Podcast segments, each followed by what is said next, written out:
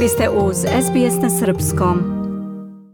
Veliki broj stranih državljana na privremenim i turističkim vizama trenutno boravi u Australiji. I zbog pandemije virusa korona i zatvorenih granica u Australiji širom sveta nemaju način da se vrate kući.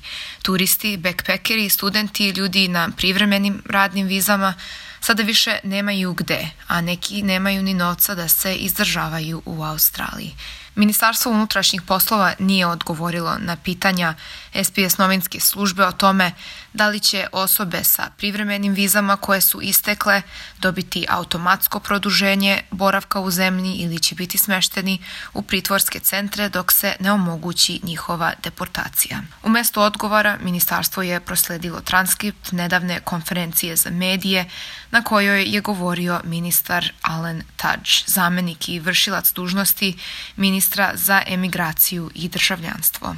I would say to those people that if they cannot exit Australia or want to stay in Australia, then please let the Department of Immigration know as quickly as possible. Ljudima koji ne mogu da odu iz Australije i onima koji žele da ostanu duže, savjetujem da se obrate Ministarstvu za emigraciju što pre i da ih informišu o situaciji.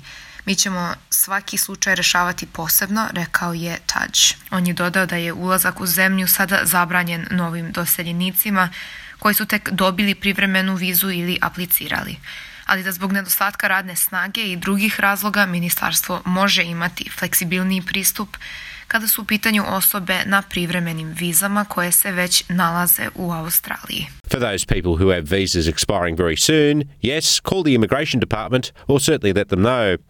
Osobama kojima će vize uskoro da isteknu mogu pozvati Ministarstvo za emigraciju i obavestiti o svojoj situaciji. Nakon toga moći će da apliciraju za dalje vize. Naravno i tekako uzimamo u obzir stanje u svetu sa pandemijom virusa korona, istakao je Tudge. Kako navodi ambasador Republike Srbije u Australiji Miroljub Petrović, na privremenim i turističkim vizama u Australiji su se našli i brojni srpski državljani. Ambasador Petrović podsjeća da su ambasada i generalni konzulat Republike Srbije 24 sata dnevno na raspolaganju i da su spremni da odgovore na sva pitanja i pomognu srpskim državljanima koliko god je to moguće.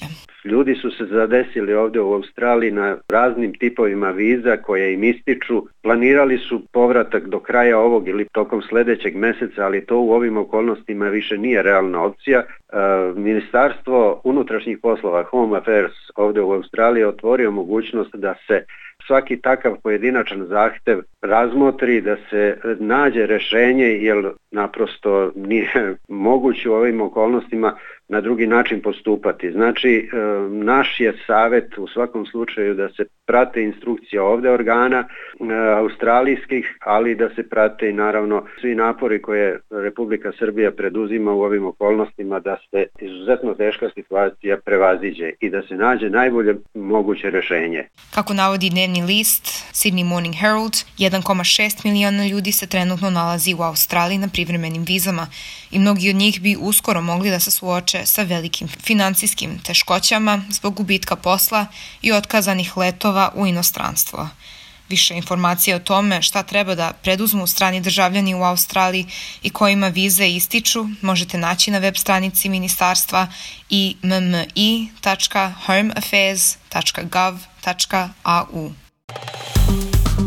Dajte like, podelite, komentarišite, pratite SBS Serbian Facebook profil.